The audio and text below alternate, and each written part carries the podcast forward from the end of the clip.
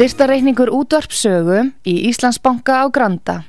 Útubú 513, höfubók 26, reikningur 2.11.11. Nánari upplýsingar á útvarpsaga.is. Takk fyrir stöðningin.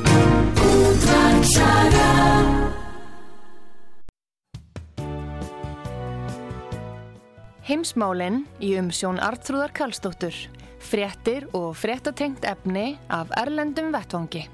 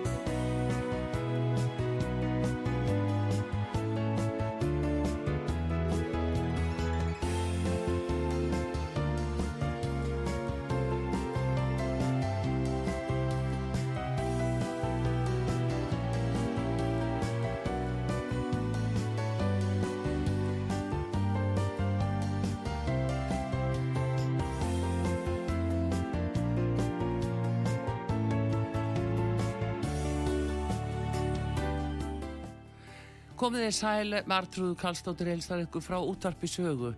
Í heimsmálum með þessu sinni þá uh, ætla ég að tala við Haug Haugsson, frettamann í Mosku og eins og hlustendum er eflaust kunnugt um að þá er Haugur uh, búin að vera búsettur í Mosku yfir 30 ár og hefur fylst feikilega vel með heimsmálum og kannski í fjarrri hlutum sem að minna er talað um hér á Íslandi. Og uh, ég ætla að fara svona yfir það sem blasir okkur við núna. Það er þetta valdastríð á heimsvísu hvaða öll það eru sem er að taka staðilega á og hvað líður friða viðræðum í hugsanlega í stríðinu millir uh, rúsa og úkrænu uh, Góðan dag Haugur Haugsson Jú, Kondi sæl aftrúður. Já, hella blessaður, heyrðu, eins og ég var að segja þú ert búin að búsættur hann í Rúslandi við 30 árhaugur, eh, hvernig svona, maður spyr nú fyrst, hvernig líður þér og öðrum Íslendingum sem þú höfður orðið varfið þarna á svæðinu? Já, gætlega, menn það var þokkalega gott bara og, og þetta en þetta, þessi styrjöld og það ástand sem er að skapast núna í Ístur-Európu og álfunni er náttúrulega vond og hefur vond uh, vond áhrif, svona kannski meira sálfræðilega séð á fólk og samskipti manna og, og ríkja og vinslit og leiðindi sem eigast í stað og, og orðræða er náttúrulega gróf og hörð og hótanir og leiðindi sem eru manna á milli og sem vil ekki taka kannski umræðinni og krifja og kafa, kafa kannski nánar og dýbra ofan í öll þessi alla þessa hluti. En eh, þetta er náttúrulega skjálfilegir atbyrðir sem er að gerast hérna og og aðdragandin er náttúrulega það er hægt að tala lengi um hann og fara langt onni í hann en sem er kannski vilja gleyma því og þetta en, en almennt er hins vegar er, er voruð að koma hér og getur veður orðið eftir nokkuð kaldan vetur og þetta Já. og sumar blíða og sól og fínari en, en hérna en, og mórallin í tjóflæginu náttúrulega er svona hardari fyrir vikið eh, það verður að segja þetta eins og er að, að eh, það er mjög hardar rattir sem að verða sterkar og meiri og viðtækari í þjóðfélaginu um þetta stríð og stríðsregstur og, og þetta sem er náttúrulega mjög leiðilegt umræðefni og allt þetta, þetta er náttúrulega bræðra þjóður fyrirrandi og fólk sem að eh, las sömu bækur og kveikmyndir og tónlist og alveg upp eins og, og hluti annara þjóðunar vill ganga á fullu inn í vestræna bakkan og, og hinn er ekki en svo náttúrulega eru almenningur á milli og þetta eru bændarsýnir og verkamannarsýnir og verkamenn og aðrir að drepa hvern annan og lástjöttin í því uh, ógeðslega hlutverki og svo eru herfóringjar og aðrir sem að maka krókin og hernaða framleiðindur og, þannig að svona stjættaskýrstingin kannski kemur líka inn í þetta einhver leiti og, og almenningur sem að blæðir, al, al, alþýða manna og almenningur Já, og já. við kannski þekkjum al, já, já. fólk er náttúrulega svona í stórum stíl búið að fá algjörlega nóg að þessu og er auðvitað að leita eftir því að, að heyra einhverja fréttir af uh, friðaviðraðum. Er það eitthvað svona sem að að er talað um í Rúslandi og heyrist af núna, ve, ve, veistu það hvernig það er? auðvitað eru menn að vil- vil- vilja fríðarviðræður og, og fleira þess, þess háttar og, og uh, Afrikuleitor hafa verið að reyna að koma mönnum að samningaborðinu. Nú Erdoganu tókst það í Istanbul viðræðinu um t- t- tvær umferðir uh, í, fyrir ári og þess áttar kínverjar settu fram 12 plagga 12 punta plagg í þessu. Og það komum fréttum Ólafur Ragnar Grímsson okkar fyrirhandi fórseti væri tilbúin í þetta, það er ekki komið staðfest um það og það er verið að, að skora á hann. Það er verið að skora já á hann, rússa, það er rétt alltaf en rússana vantar þá vantar, það er bara vöndu vinnubröð hjá rússunum og þá vantar uh, rússana vantar ofinbera staðfestingu á þessu þetta kom í blöðum, ég benti ráðnindinu hérna austra á þetta. Já, en þeir hafa ekki fengið ofinbera útskýringu þar sem vitnað er í Óla Ragnar Grímsson að ég er tilbúinn og Ísland er tilbúinn og Ísland vil verða, vil verða fríðar eh, völlur í þessu máli eða millið stórveldana og allt þetta. Það, það hefur ekki komið ofinbera frá hann, honum með hans skrifstofu. Þannig að þeir veita þessu ekki, ekki offisíal aðtegli ennþá þetta voru fréttur um þetta, það var sagt að Ólafur væri tilbúinn í þetta, stjórnund væru jákvæð. Já, Vafalust eru þau það, en það vantar bara, þá vantar bara ránindið, Maríu Sakarovu, vantar ofinbera staðfestingu. Ég er búin að senda tölv, skjátur, tölvupósta uh, á þarna Arctic, Council, Arctic þarna, org.org já, en ekki fengið svör þannig að við, við erum að býja eftir því og þegar að það kemur, ef það verður, ef og þegar, að þá kemur því áfram til ránindisins og þá munum þeir og mér sýnist það að- eins og María tók á þessu máli að þau rússar horfi í- ekki að setja þetta út af borðinu þessa hugmynd Ólafs og sem að framkomi blöðum og tilvitna, tilvitna, tilvitnanir í hann, hann hans í tilbúin þannig að þeir horfa þetta frekar í ákvæðum augum þó að Ísland sé á vinnarlista. Já, það er allavega einhverjir sem eru að, að svona að láta sig dreymum það að Ólafur væri tilbúinn og, og það væri þó og þú segir, ríkistjórnum myndi bera það fram og ef að vilji væri fyrir hendi að að leggja sitt á mörgum og ýmsir voru að vonast til að eitthvað slíkt myndi koma út úr leitófundunum í hörpunni en það var ekki. En hérna, en það hefur líka Brasilia hefur líka uh, reynd að koma fram með fríðar uh, tillögur og, og fleiri sem að, að uh, eru að reyna þetta Já, já, Lula da Silva, nýr gamall, eða nýr endurkjörinn aftur, leitu í Brasilíu, hann, hann, sem sagt, um, eh, Bolsonaro er þarna á millitíðinni, hann er, aftur, er núna að reyna þetta og hann er náttúrulega mjög góðum tengslum við Putin, fórseta Rúslands í gegnum ríkjasambandi BRICS, Brasilia, Rúsland, Indland, Kína, Suður Afríka og þeir eru þar, já, nánir og þekkja mann, hvort annan ágætlega vel og hafa oft hist. Nú náttúrulega utarrikiðsráðandi Brasilíu er í góðum tengslum við Lavrov og utarrikiðsráðandi Rúslands. Þannig að hann er að reyna, rey- reyna að sína góðan lit í þessu líka og, og uh, Brasil náttúrulega er kannski í augum rússa meira sjálfstæðara ríki í utarrikiðspolítík heldur en Ísland og, og vestræn ríki eh, þó að þeir, eins og segi, virðast líta Ísland góðum augum. Að þá er, er hann að lita og þá svo eru sex leituar Afríkuríkja, Zambia, Ghana, Suður Afríka og fleiri sem að sendu sendinem tingað til Mosku og náttúrulega nálægð og samstæðar á Afríkuríkjana er, að- er að aukast alltaf meira og meira. Þa, það hefur ekki komið neitt úr því og mér sýnist á öllu að Kífstjórnin og Selenski og Smikal sem kom til Íslands, Selenski í stað sem að steg þarna út úr fluglega þóttunni frá, Já. sem að flög frá Sessov í Pólandi til Reykjavík-flugvellar að Selenski steg ekki þar út og það voru vissulega PR vonbrið að mínu mati fyrir Kötu og Aram og já, Kolbrúnu og þetta en, eh, en eh, að Smikal og uh, Kuleba Dimitri og uh, Volodymyr Selenski þeir eru ekki að taka vel í þetta Afrikutilbóða þar sem maður sér frá kenningarinn. já. Þannig að Það er, líta- það er vilja- já. tókstreita þarna á milli. Eitt sem er langar að spyrja þig haugur ánum við svona förum eh, lengra inn í þetta bara aðst til að átta sig á því að þegar Putin tók við árið 2000 þá voru minnskosti fréttir af því að hann hefði tekið á sem ólíkörkum sem að voru búin að leggja undir sér auðlindir og annars líkt e, í þjóðaregn þeir eru búin að leggja þau undir sér og hann hefði beilinist náð þessum auðlindum af þeim, reykið og landi og komaðum í burtu. Er þetta rétt, eru það þeir sem eru meðal annars e, þannig að herja og, og skapa leiðindi til að komast til valda aftur Já, þetta er alveg rétt á þér Artur og ákveðin hluti þeirra er, uh, þeir voru alltaf þegar enga væðingi mikla og enga vinavæðingin og það var í gangi og þá voru þeir í mjög góðum tengslum við eh, bandarísk, eða sérstaklega band, eða svona stórfýðirtæki, sérstaklega bresk og bandarísk, sérstaklega þó vestanhafs Já. og hafa alltaf verið í góðum tengslum við þau en þeir sem ekki örðu vinnveitti Putin og ríkishollir skulum við segja, þeir eru í eh, fundum í bæði leint og ljóst í Prag og, og vestanum Hafs og Kanada og hinga og þangað í því að koma á uh, styrkja hinnar veiku verður að segjast eins og er stjórnarhanstuð sem er í rauninni ákveðin kannski sterkari frá vinstri heldur en frá hægri vægnum vegna þess að þeir hafa mjög mist eh, fylgi og annað eftir engavæðinguna og þau tíu ár sem að Jeltsin og hans ráðgjafar voru frá 91 til 2000 Já. þannig að þín spurning þá er það bara þá er það þannig að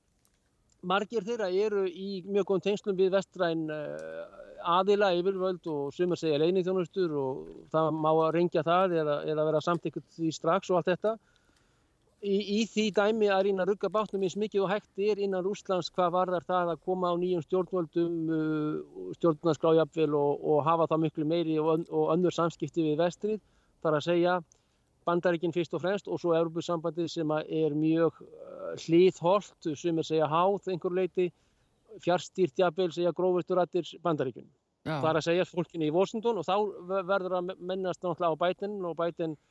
stjórnvöld og Deep State og Administration Bidens jú, jú. að þeir sem eru þá, að Europasambandið er, er mjög sammála og litlar gaggríninsrættir á Biden Já. og svo er hitt náttúrulega varandi inn, innan bandaríkjana stjórnmál og dem og rep og tvöðparti og allt þetta jú,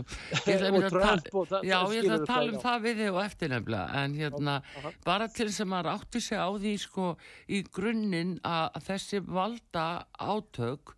því að vissulega er þetta valda átök og, og þetta eru herstöðvar út um allt og annað sem að er að valda þessum óróðu. Ég horfi meira á það það sem ratar ekki í frettir.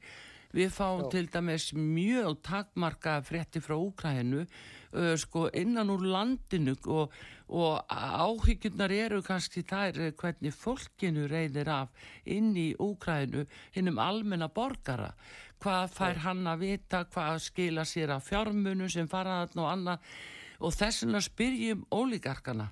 að eru mm. þeir hugsanlega einhvers starfn á bakvið stjórnvöld í Úkrænu og eru þeir að hyrða til sín þessa styrki sem eru að fara til Úkrænu? Já, já, já, alveg klárlega og, og, og bara í framhaldi að því að þá er að TNC, náttúrulega Transnational Corporations, eru gríðarlega sterk og þau eru náttúrulega mjög sterk í Nabatrikin og lobby, lobbydæmi og svo NGO sem eru non-governmental organizations. En hvað var það þína spurningu beintartur, þá er það, þetta er bara í framhaldið sem við vorum að tala um rétt áðan, þessi yfir þjóðlugu völd og vald sem er að komast,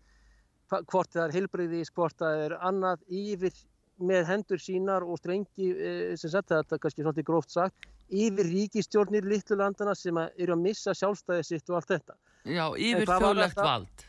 Já, yfir þjóðlegt vald eins og Pétur félagi Pétur segir og sem náttúrulega bara mjög rétt hjálpum og sem alltaf aukast ásmegin og styrkjast og styrkjast og þeir náttúrulega hafa þessar transnational corporation sem eru rísa stórkapital og rísa auðvaldið í heiminum sem er langmestuleiti í bandarækjunum eitthvað í London Já. og allt þetta. En hvað var að þýna að þá eh, er það bara, það er alveg starrend að ólíkarhían eða ólíkar, ólíkarkarnir sem er gríska og þykir auð, auðvald eða valdsmaður í, í skjólu peninga sinna Já. að ólíkarkarnir þeir hafa alltaf verið við völd uh, fallsovjetríkjan í 91 sem að ég lísti í beitni í Rúf í, í, í den tíð. Já. Og þetta, síðan e, kemur Jeltsin e, ákveðni veikleikar hjá þeim geta manni og hans ráðgjöfum og spilt og þetta. En bótinn tekur þá út strax í byrjun, eða strax 2000 þetta ástand á sér stað í Úkrænu og heldur áfram að sem er orðið sjálfstæðitlíki eftir fallið með ólíkarkana sem verða sterkari og sterkari vegna þess að ólíkarkarnir ríða húsum í Rúslandi tíu ár, í Úkrænu í þessi tíu ár, Já. pluss öll hinn árin að í rauninni og á- ástandið hefur líklega aldrei verið verra núna enn í Úkrænu hvað var ólíkarhíuna. Vegna þess Já. að ólíkarhían hefur ráðið þar allan tíma og það, þar kom aldrei inn maður að mann nafni Pútín uh, sem að í rauninni tekur þá að mjög miklu leiti út úr valdastólum, uh, ráðneitum, stórböngunum og yngaveðingar. Uh, ógeðs, það var ótrúlega yngaveðing í Rúslandi og Já, svipuðu engavæðing á Íslandi sem að Íslandingar konu enga vinavæðingu sem var tíu sinnum veikari og minna morð og, og, og yfirtökur og fjandsamlegar og stimplar sem sagt það bara kemur enga herin á einhverja skrifstofu. En Mm. þetta ástand hefur átt sér stað í Úkrænu núna og, og uh, þessi stórfyrirtæki hafa lagt að mjög leiti í, í undir sig með ákveðinni spiltri elitu uh, sem er Janukovic, Jusenko, Júlia með flétturnar og þetta sem að var alltaf undir ákveðinis uh, já, áhrifum og uh, ef að, þessir ólíkarkar komu og pöntuðu uh, menn inn og út úr ríkistjórnum það, það er ótrúlega sögur af slíku sem átti sér stað á meðan ríkishollir menn verða taka völdin í Rúslandi, eða ríkishollir og auðvitað spilling í Rúslandi, ég er ekki að Já, segja já. það sem ekki spilling í Jú, Rúslandi jú, jú. og Pútin á vinn og óvinni og, og KGB-maður og lauruglufóringjar og, og, og þetta já, að þá hefur þessi, þessi mm, tendensjón verið alltaf og, og, og, og dýfkað og dýfkað í Úgrænu sérstaklega og ekki í Rúslandi og ekki heldur í Hvítarúslandi út af ákveðnum aðilum og mönnum sem að hafa ráðið þar og, og, og þannig að Úgræna er, var mjög djúb já, sokkinni eða sagt mjög uh, ó, ó, þessari ólíkarhíu, þessi ólíkarhíu veldi já. uh, alltaf skilur þú hvað ég að meina Já, já, en það, þetta er nefnilega bara svo skrítið að maður reyna að átta sig á þessu að þegar nú eru einhver til dæmis enga fjölmilar í Úkrænu, við fáum ekki fréttir. Þetta verðist alveg vera bannsvæði og þá bæði líka Rúsland og þá Úkræna þeir eru það sammert að það eru bara ekki enga fjölmilar sem að geta sagt frá. Og uh, það gerir málið nokkuð flóki þá er eiginlega bara ein útgáfa sem okkur er ætla að meðtaka.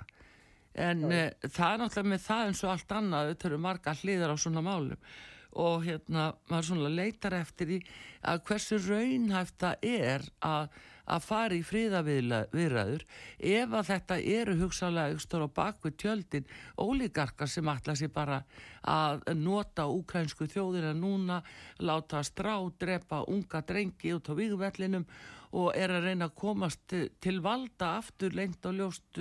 þá, og, og komast inn í Rúsland. Já, já, já, já. Þannig að í Úkrænu er, er mjög hörður ítskoðun núna uh, sem hefur verið mörg ár og ég er ekkert að taka neitt frá því líka heldur þegar í staðrenda í Rúslandi núna er ítskoðun en hún já. byrjar fyrir þessum uh, 14 mánuðum í, með stríðinu. Já, Þá byrjar svo ítskoðun vegna þess að það voru sem sagt, bæði útvarstöðvar, sjónvarstöðvar, uh, netið og annað sem voru styrt af hinnum þessum aðeirum sem voru alltaf góðið með það Mm. sem voru í stjórnarnanstöðu og annað en undir sér lenski og þau öll þau ár sem hann hefur verið þá hefur hann eh, lokað hverjum fjölmiðlunum að fætur öðrum bæði á netinu, miðl, sagt sjónvars, uh, útvars og öðru og hefur tekist það mjög vel með aðstóð sinna vestrætnu sem sagt ráðgefa má segja Já, og allt þetta. Þannig að, það, þannig að það hefur gengið vel. En það, í, í Rúslandi núna er en, út, uh, líka rítskoðun en hún byrjar upp úr stríðinu sem sagt fyrir þessu rúma hérna, ári. En, en, uh, en hvað var það friðaviðræður og þess aftar að þá uh, er, er sem sagt lítið sem að bendi til þess að menn vilji semja frið uh, og þá er náttúrulega þurfa að líta til fólksins í Brussel. Þar sé að Josep Barel sem er utarikismálastjóri og Úrsula von der Leyen já, yfirmannist í og, það, það, og svona það er Rissi Súnaguarir og svo þjóðverðarnir og svona en í Brussel og öðrum stöðum að þá er sagt að, að það verði að vinna Rúsland á vígvætlinum og Úgræna verði að vinna þetta stríð og Ísland er algjörlega á þessari línu og það er engin á því að, að stoppa uh, tár, blóð, þjáningar, eyðilegging og heilu borgum og húsum. Það er enginn sem að lifti litlafingri til þess í uh, uh, mjög fínt fólk sem að kom þarna á fína rástöfni í Reykjavík. Það var ekki einasta tillaga eða rött þess efnis að reyna að hætta þessu það er dælt fleiri og fleiri vopnum, það er dælt meiri og meiri pinningum í því miður algjöra hít og svartól vegna þess að ef að 5 krónur af, af 100 komast til fátakra batna í eh, austur, mið, e, söður eða norður í Úkrænu þá er það gott mál og þetta vita alveg þeir sem að vita vilju og eiga vita Já, og er, er að fá kaup til þannig að þetta, þetta er skelvilegt ástand og enginn engin hefja viðræður af þessu fína fólki sem að ætlar að láta rúsa drepa fleiri rúsa og úgrænumenn í austur, austurhundum og þetta er alveg hundruð þúsundar sem hafa fallið. Þetta er Já. heilt Ísland og vel það sem að liggur og blóðpollarnir og stöðuvatnar blóði og beinin og grátandi mæður og sýstur og dætur og sínir og, og, og afar og feður að sjá unga stráka þarna í hil dýpi dauða og þjáningar og eidaleggingar sem að fína fólkið vil ekki stoppa. Þetta er fólk sem að þykist vera sósjaldemokratist fólk, þetta er fríðar kata, þetta er uh, samfélkingar helga, þetta er íhaldið kannski er, er nær sænkvæmara sjálfur sér með utanrækisránutið en nú náttúrulega uh, bara beint út að þá er það mjög sorglegt að vil enginn lifta hinnum minnstafingri og þeir að berjast við herrveldið Rúsland, þeir að berjast við land upp á 150 miljónir með eitt sterkasta hér álfunar og kjarnorkuveldi. Að enginn eh, lifti litla fingri, penna, blíjandi, mikrofón til þess að reyna, eh, reynda reitmaður á Íslandi sem er besti fórsætti lifiti sem synga til, ekki hinn, að til þess að reyna að hætta þessum þjáningum, dauða, skjelvingu og ótrúlegri og ógeðslegri eðileggingu. Ég tala við þetta fólk, ég er þetta niður frá af og til Já. og mér finnst sorglegt að, að þetta fólk í þessum hísum já, já.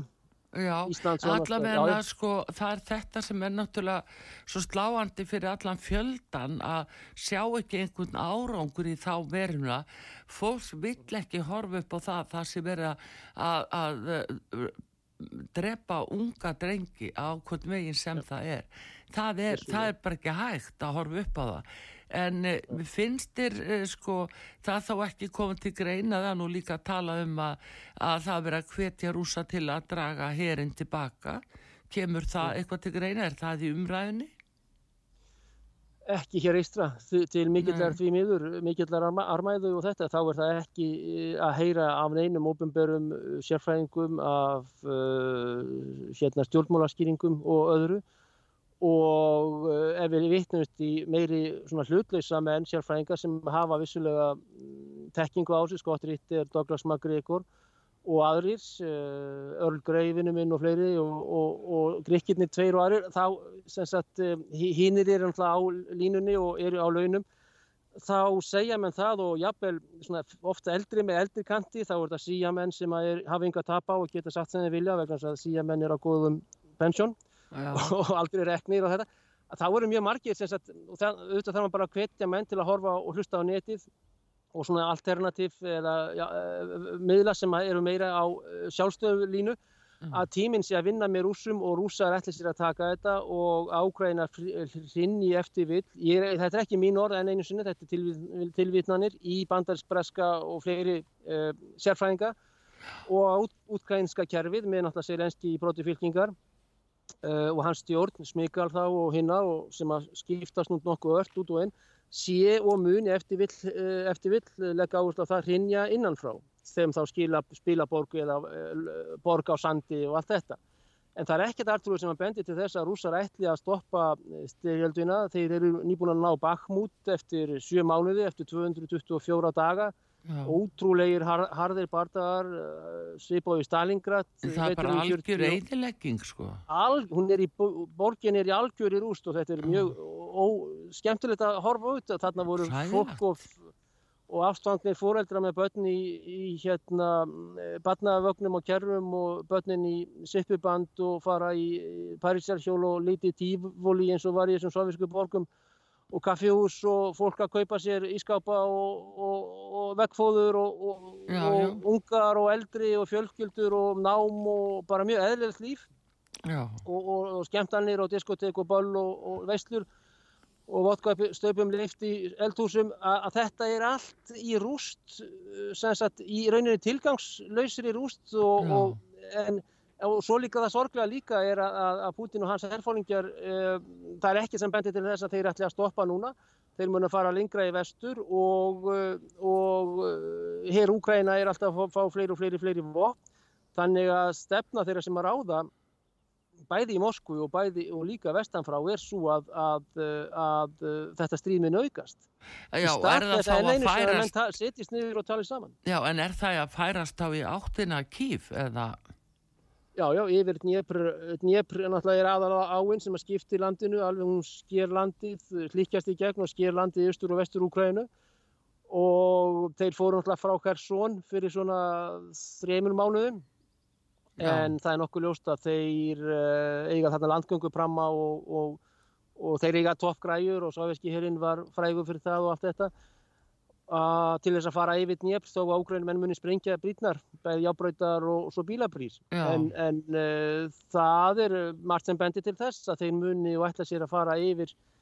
uh, njöfn ári, árinar og það sem þeir kalla frelsa sagt, borg, borginnar eins og þeir segja og þetta er aftur ekki til, tilvörnum í ríkislínuna hér og, og sem sagt með öðrum enn stöða og eðileggingu sem að því miður menn verið að fagna á Vesturlundum og, og, og einhvern veginn ég, ég skilði ekki en þetta, þetta eru rúsar og austurslavar að drepa hvern annan og orthodox fólk Já, ég vil meina það samt haugur að það, það er nú bara almennt að fólk er ekki að þóla að eh, bara vita um þetta eh, að þetta er bara svo anstíkilegt allt mannfallið og og upplausnin, eigðileggingin og annað, þetta er alveg bara hryllilt að vita til þess. Og síðan náttúrulega er gengið eftir náttúrulega uh, ennfrekar í vopnum og, og við vitum að það er náttúrulega vopnasalatni sem að íta á það, þeir hafa hagsmunni, jafnvel peningaöflin til þess að koma reyfingu á fjármunni, það voru nú orð, höfðu nú verið þarna mínusvextir uh, uh, viða og, og þannig að þeir fá gríðarlega reyfingu á fjármagn með svona uh, ástandi og, og viðhalda því. Það er spurningin hverjir hafa hagsmunaði að vilja ekki friðaveraður. Já, já, það er náttúrulega ljóst líka að, að hérna, þeir sem hafa hagað þessum máli og bæði með banka og vopnaframlegindur og það er fólk sem sittur fyrir vestanhaf og veik, veiking Evrópu er vegna þess að bandarískur efnahagur og þeir skulda hérna 32 triljónir líku við bandaríkjadala og svo banka sagt, skuld, skuld ríkis, bandaríkin skulduasta ríki veraldar og sumir, já, sem sagt sérfræðingar og þetta og konspirólókar og annað, þeir segja það að e, þetta sé og eigi eftir að halda áfram með miklu leiti vegna þetta sé, og vissulega var valdaránir í Kíf 2014 var skipulagt af ákvöðinni mjög störkri leini þónustu mm. Að þetta sé ákvöðin leiti til eitt hlutverka því til að halda bandaríkinum á floti lengur, hvað var þar já, þau áhrif sem þau gríður áhrif sem bandaríkina hafa haft í Európu sérstaklega vestupartinum hinga til og núna víðar og að þetta eigi að veikja bæði Európu sem að var orðin þá einhver konkurrent eða samkeppnisæli við bandaríkin og svo Rúsland líka sem að reyndar hefur ekki sínt sig en hvað þessu er haldið lengi og hvað er ólíunni svona eru drópa af steinólíu brúsin og, eða bensínbrúsin eitthvað er, er held á þetta stríðsbál að frá báðum áttum er að mínum að þetta ákveðin lýsandi dæmi kannski fyrir ákveðan hluti sem að sem að mjög, eða tala svo stóðsynnilu öll, kannski geta stjórnað einhverju leiti og hafa gert og telja sig að hafa hag hérna af því og eins og segi þá eru sumir sem að telja þetta að vera þannig að þetta sé pantað einhverju leiti frá deep state og þá nefnum við náttúrulega djúbríkið. Já, já. Það er það bætin og hans stjórnvöld. Það er, ég ætla einmitt núna haugur, við þurfum að fá auðlýsingar hér á útvarpi sögu, en haugur, ég ætla einmitt að tala um Deep State og þá sem að hvernig þetta er kortlagt og hvaða skurðpunktar liggja í heiminum, hva, eh, á hverju þetta svæði, á hverju Úkræna og afhverju jafnvel tæfanna og fara yfir í þau mál við þið hér eftir auðlýsingar. Þið eru að hlusta á út að sögu Artrúðu Kallstóttur að tala við Haug Haugsson frettamann í Mosku.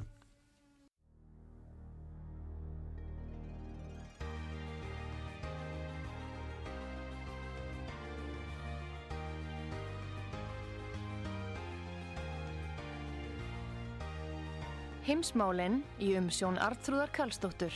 fréttir og fréttatengt efni af Erlendum Vettvangi.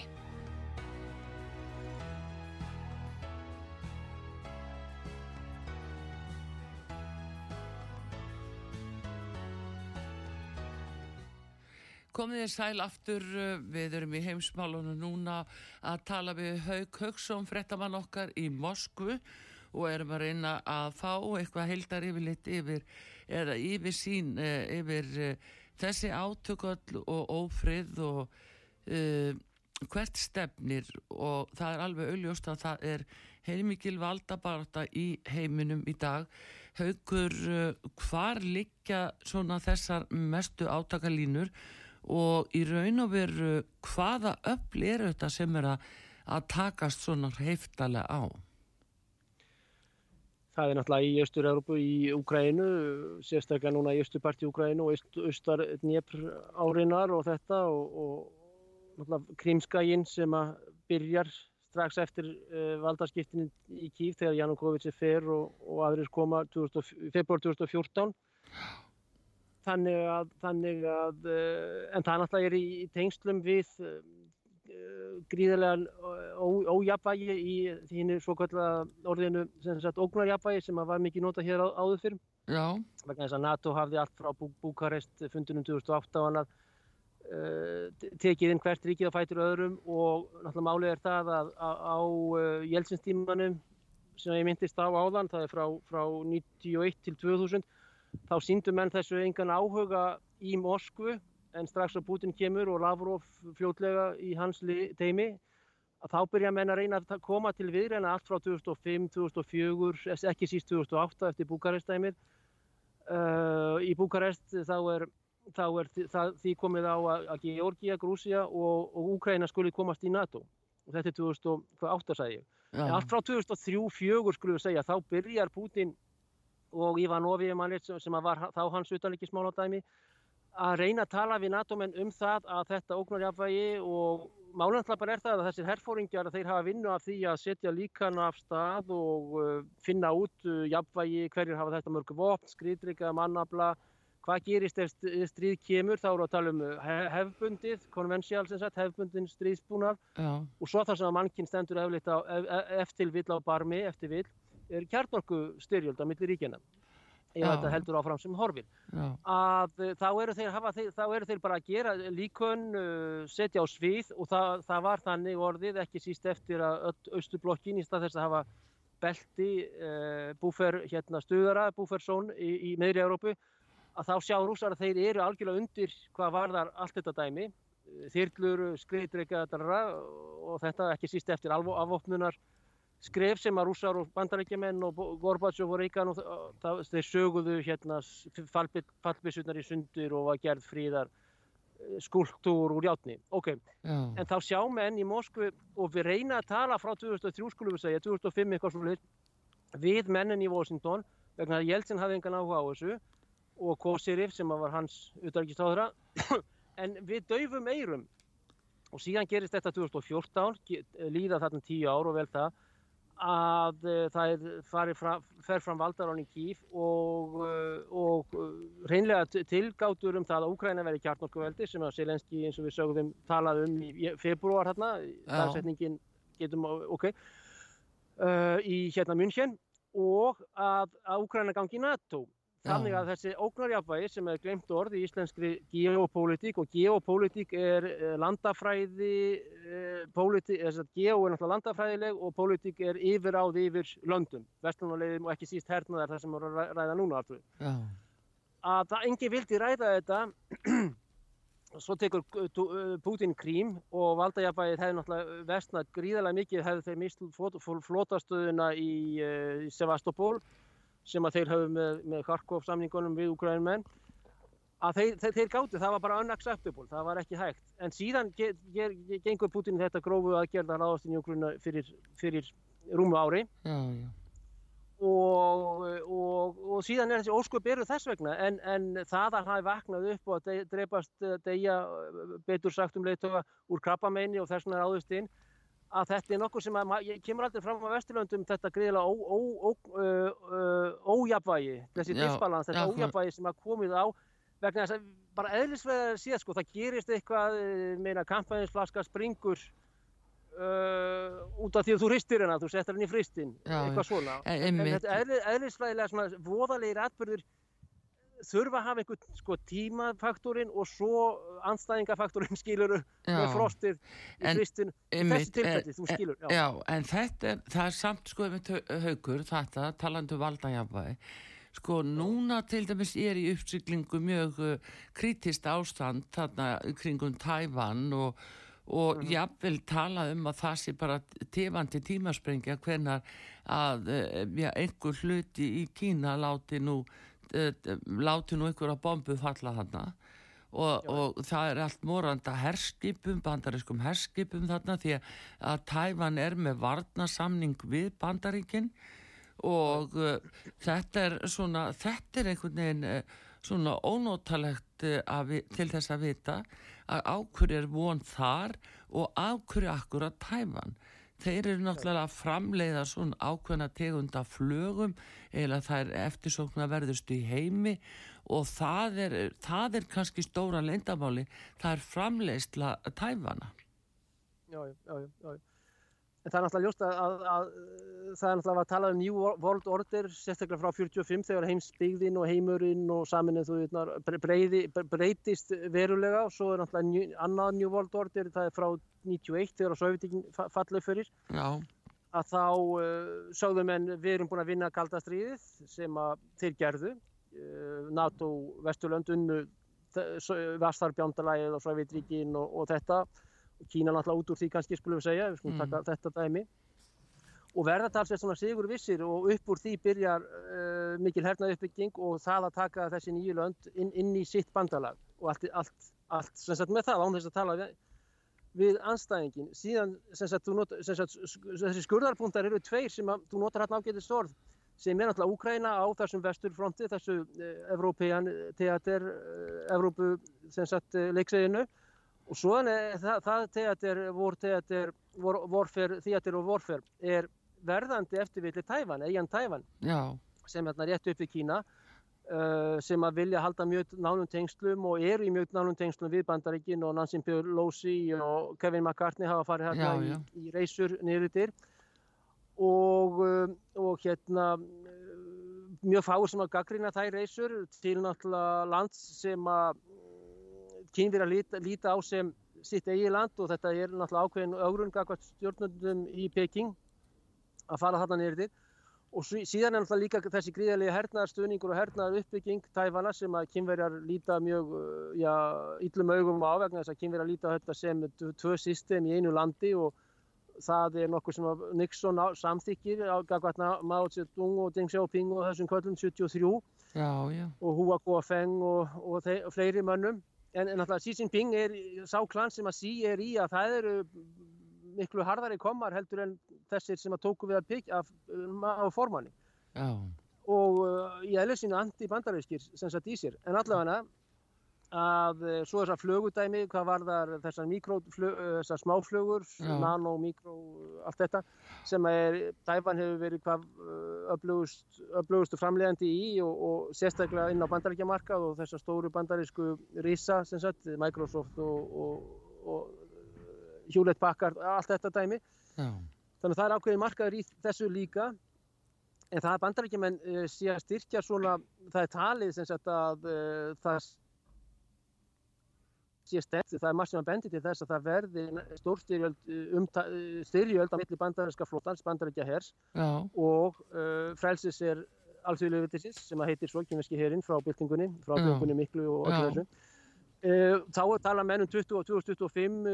2026, jáfnveil 2024 ef að bætin heldur velli í þeim kostningum sem eru það haustjá og rúmur rúmt ári það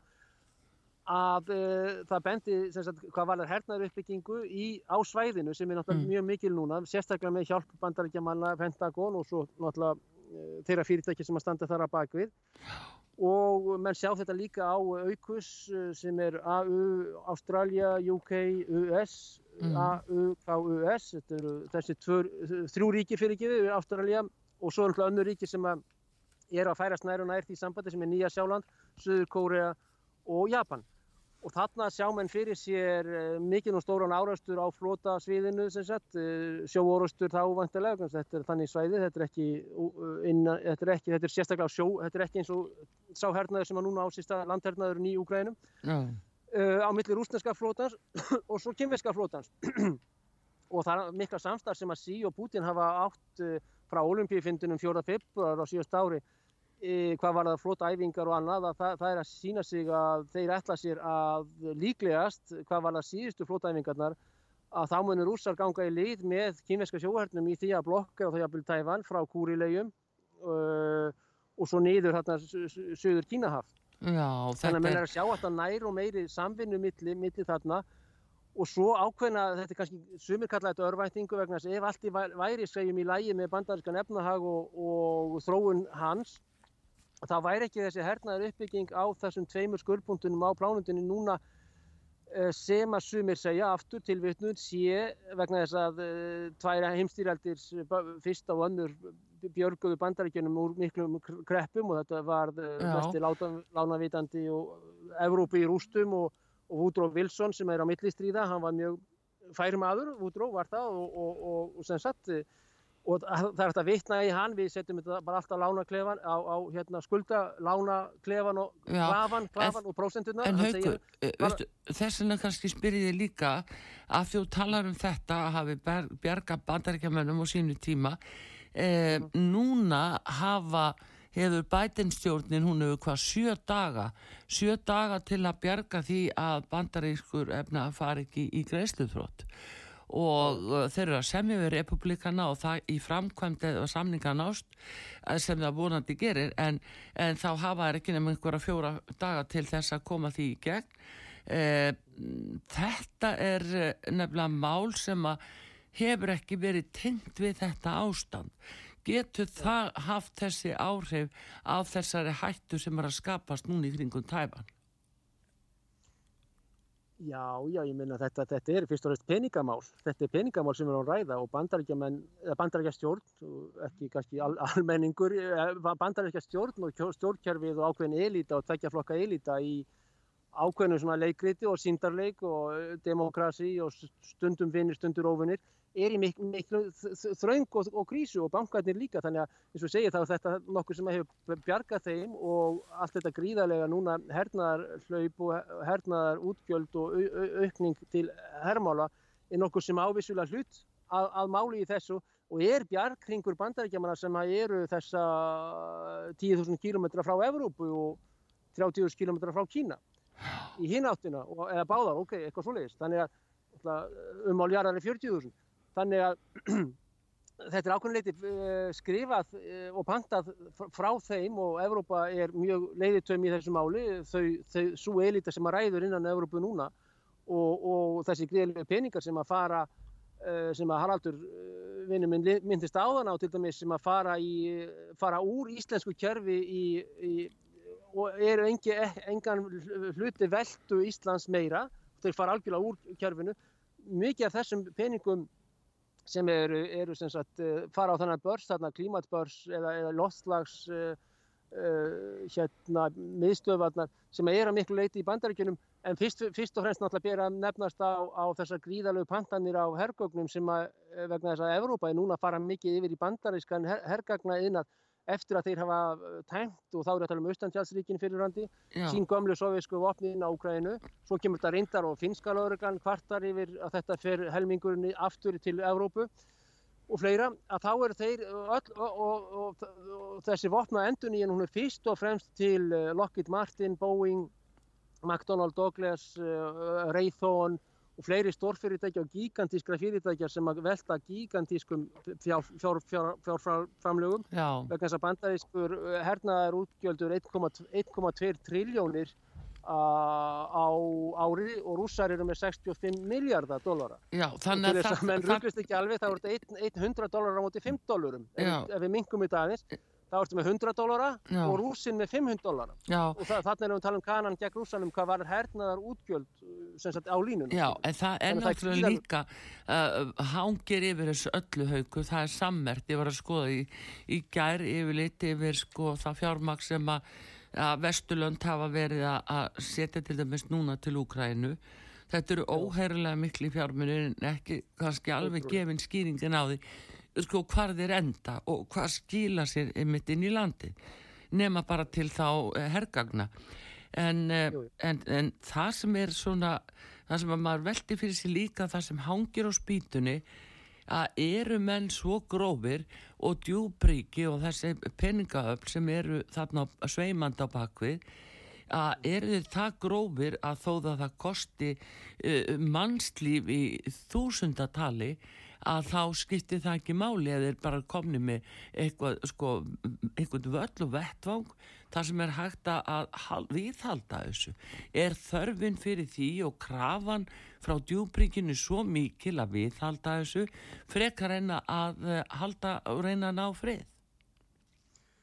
Ég bara eftir að maður sér söguna og annað þá bara er þetta því miður eh, innrætt með jafn enginlegum hættu og óhylbröðum þessir menn sem eru að græða á þessu hvað var það bankamenn og, og þessan vopna kompleksin í sérstaklega bandarækjunum aftur sem að, sem að stórgræðir á þessu og, og með þína spurningu þá uh, bróðast þeir breyðar sem að það kling, klingir meira í þeirra byttum og, og fleiri rússar dreip ókrænum en ókrænum en rússa uh, sem að fljóðlega verður einhver hálf miljón eða 300-400.000 mannslíf, mannslíf. Já, og sko... því miður er þetta innrætið þessar fólks og, já, með þessum hætti og það er ekki neitt sem bendir til annars. Og því miður pólitískra vestur-Európu Skandinavíu líka, það er enginn sem vil en já, ég, ég stoppa hér. Já, ég segi þérna, sko, haugur er Já, að, að það, sko, það sem að er alveg sínilegt það er verið að ganga á ríkisjóði eh, Vesturlanda, alveg hvert landi og öðru þarf að greiða mjög mikið. Það er annars vegar til loftlagsmála og síðan núna til herrmála og eh, sko fjárhastli staða ríkja veikist mjög rætt og núna til dæmis hér á Íslandi var verið að hækka stýrivexti upp í 8,75% heildinni eh, hjá sælabankunum þar sem að bara er verið að sko það verið að bara tæta almenning í sig fjárhanslega og efnaðarslega og þetta er einhver undarleg eh, aðgjör og þróun að það sé ekki hægt að stemma stigu við þessu öðru vísi en að peningarnir flæði bara úr landi. Við viljum minnskosti vita hvert er fara af því að almenningu hér á Íslandi hann fær bara verri hérna, lífskiliri og, og, og hérna, það veit svo sem enginn hvað það þýðir í raun en, en e, þetta er allavega mjög alvarlegt ef að við erum að fara svona ráðokka með okkar fjármunni landsins Já, þetta er að litli maður sem fær ykningin á lókum í partíinu. Það er komið til hans að þessu, hann fær hérna það hrjóta leifarnar og bitarnir af þessu stóra borði og elitan skemmtir sér vel og á fundum og annað en síðan kemur þessi fínir þjóttni í smóking með aðra hönd fyrir aftan bak og, og viskastíski líka framan á sér eða þurku og rétti litlamanninu rekningin það er nákvæmlega sem þú ert að gera segja, hérna, já, sko. þetta minnast að núna með þessa vexti og annað, auðvitað kunna bankamenn að gera þetta og láta þetta fara út í þjóðfélagið og verðið og, Jú, jú, það verður að kenna karar það verður að kenna hauguð, það verður að kenna kararsamningum um og, og vinnandi fólki að verður að kenna því um þetta. En við vitum betur haugur þetta er akkurat fjár austur úr landinu uh, í allskinn svona kunstir, líkum við að segja að sem við fáum afskaplega litlar upplýsingar um það vofir yfir þessir óbóðslegu valdablokkir. Þeir beita hverju sem er til að ná yfirhöndin á fólki með einskurs konar stýringu og ég læti ekki hjá líða haugur hann að nefna það einmitt við þig, það er nú nýri genf, þú hefur nú fylgst með því líka, það er hú. Og beilins við höfum verið með fretti af því. Að Gustaf Skúlason frettamar okkar í Svíþjóð þegar við skrifa hverja greina fættur annari og bent á þetta að hú hefur lagt tillugu að starfsramma fyrir aldaríkin um sterkari stjórn meiri fjármögnun, sterkara kerfi og verkværi sem og sterkari húmi svæðis í hennu alþjóðlega helbriðskerfi og uh, hann uh, framkvæmdastjórin, hann uh, Gehab Jesus, hann segir í fyrsta lagi hveti ykkur til að ganga frá heimsfaraldur samningum á tilskildum tíma sem kynnslóða samningi. Næsti heimsfaraldur mun ekki býð eftir okkur, við verum að vera tilbúin. Og nú bóða þeir nýja veiru, segir hún sér alveg að koma sem á að haldrepa okkur líka. Að það er þetta XBB1 og 2 og hún á að vera miklu skæðari heldur en áður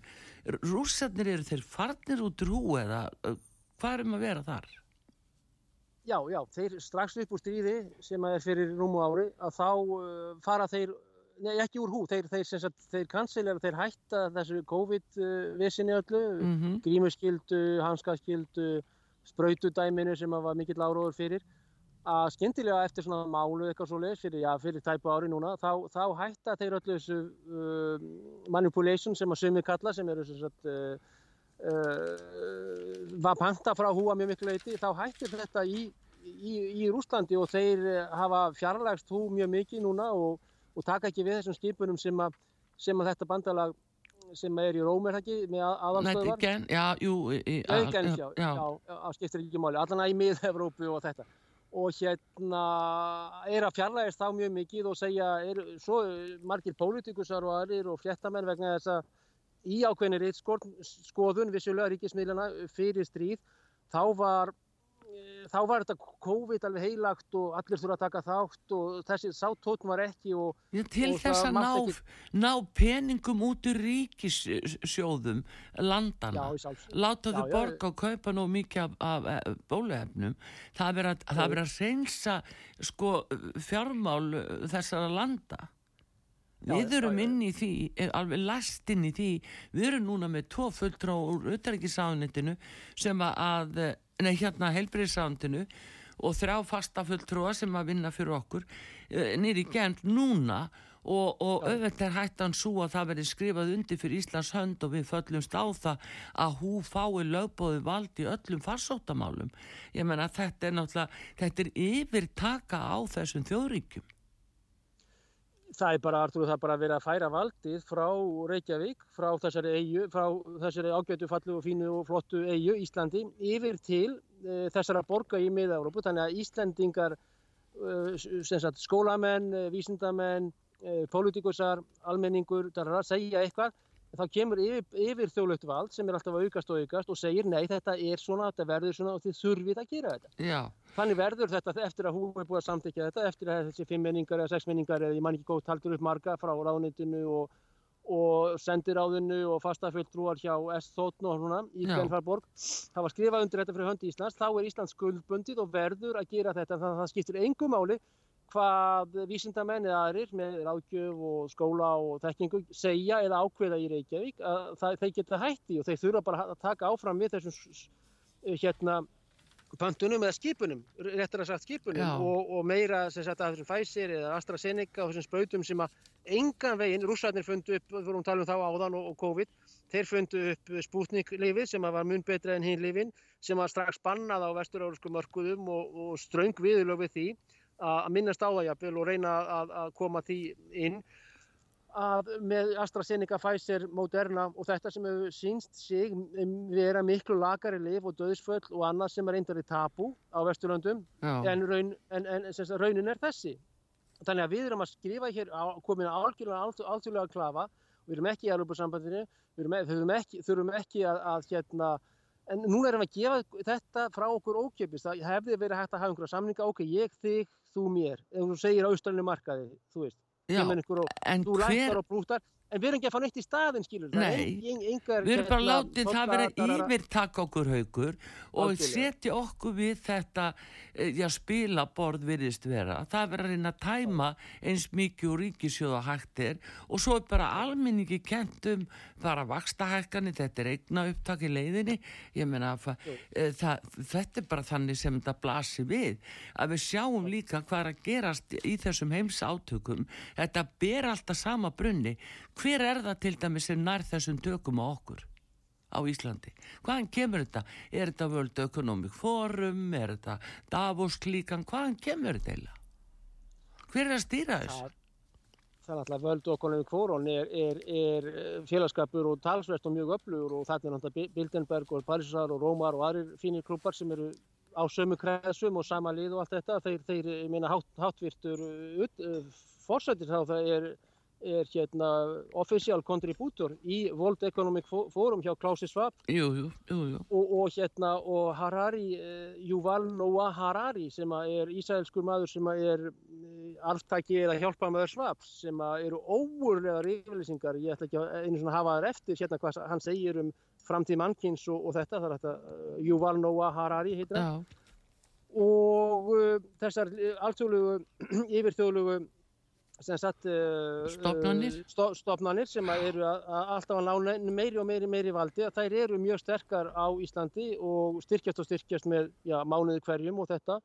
og er alltaf að fara lengra og lengra ofan í vasa, já, sérstaklega almennings og almóans, alþjóðumanna mm. og svo líka í, í huga ráðamanna og byråkrata ennbættis og skristuðumanna hvað varar það að, að uh, landslög og fleiri lög skipti miklu, séu undir þegin Uh, þessum sagt, direktífum sem er að koma frá hú og þessum Já, þetta hjá hú er bara algjörlega fullveldis uh, framsal. Þetta er bara, já, já. þetta gæti ekki verið skýrara og það er nú fleiri lög í farvatninu sem að býðanir og alltingi þannig að auðvitað lítum að velta fyrir sér sko stöðu Íslands mitt upp í þessu og við sjáum að, að þetta er orðið hildaleikur bæði þetta stríð núni í Ukrænu óskiljanlegt að það sé ekki lög meiri áherslu á að stoppa og ná samkommulagi og vinna frið. Nú þetta ástand sem er að blossa upp jafnvel í tæfan og í kringum þau átök aðeins að bandaríkjónum bara í síð, að síðustu haugur Uh, núna sem ég saði áðan þeir hafa hérna fjóra, fimm daga raunhæft til þess að komast í veg, koma í veg fyrir hérna uh, greiðsluþrótt uh, og þá er náttúrulega fjandin laus má segja og einhvern veginn telur maður nú að þeir reyna að bjarga því en þetta er rosalega rosalega hörðu baráta og pólitíkin það náttúrulega er Trump uh, það komið upp að honum í frambóð DeSantis sem er frá Flórida hann þykir nú nokkuð harður og, og mun harðari heldur en Trump. En, uh, en allt þetta Trump var ekki í djúbríkinu djúbríki stýrið ekki Trump. Það er kannski stýringin á því að hverju var ráðust á hann Já, ég held að það er ljóst að Djúbyrgi stýrir ekki Trump og, og gæti ekki stýrt honum og þessi, þess bæði COVID-ið og kostningarnar sem að COVID-ið COVID bjargaði með einhver leiti með mjög enginlega atkvæðagreðslu með mikillir manipulation frá ríkisvaldinu í bandaríkunum þegar að, þegar að hérna, Joe Biden tekur til valda. Djúbyrgi er alltaf gríðarlega stert í bandaríkunum og, og við sjáum sem sagt Við sjáum uh, morðið á Kennedy sem er 60 ár núna nokkur næstu því já, já. síðan hvernig þeir kiftu honum út hann vildi minga CIA og NBI og þetta monster sem hann kallaði og aðrið kallaði þetta síðan monster og jú, hann er drefin Allan Döllu sem yfir nefndinni. Já það sýnir sér náttúrulega núna í dag að þarna var þetta var skipulagt sko hann hlýtti ekki þeir hafðu náð ekki tökum ánu þannig að þetta er nú bara þessi ískaldi veruleiki sem að, að er nú jafn gott að við gerum okkur grein fyrir. En það er bara hins vegar kannski það sem er verra í því að við Íslendingar erum einhvern veginn að fara að batera með nokkur ekki sagt frá við fáum ekki að vita hlutina nema mjög takmarkað í, í, í svona skömmtum. Jújú, jújú og Trump eins og þú segir að hann, hann, hann reyndi að koma þessum mönnum að samningaborðinu. Það er að segja, það, þá erum við að tala um Kim Jong-un og, og Putin, hann hitti hann. Hún var reynda reynda, reynda, reynda, reynda að koma í veg fyrir hann hitt hann sem oftast af hans apparati eða skristúðun, af hans kontor. Jú, jú, hann fór hann nýri í Írak líka. Ef hann hefði verið enda, enda til starfa þá hefði hann alveg klárlega bara bóða menn á sinn fundi eða hitt á í mið uh, Evrópu eða Reykjavík eða eitthvað og þeir hefði mætt þarna og, og og, hann hafði ekki þessa annarlegu kendir að minni mati sem, a, sem að eru í gangi og ráða núna og ríða húsum sérstaklega í Norður Ameríku og Európa-sambandinu en, en, en, en auðvitað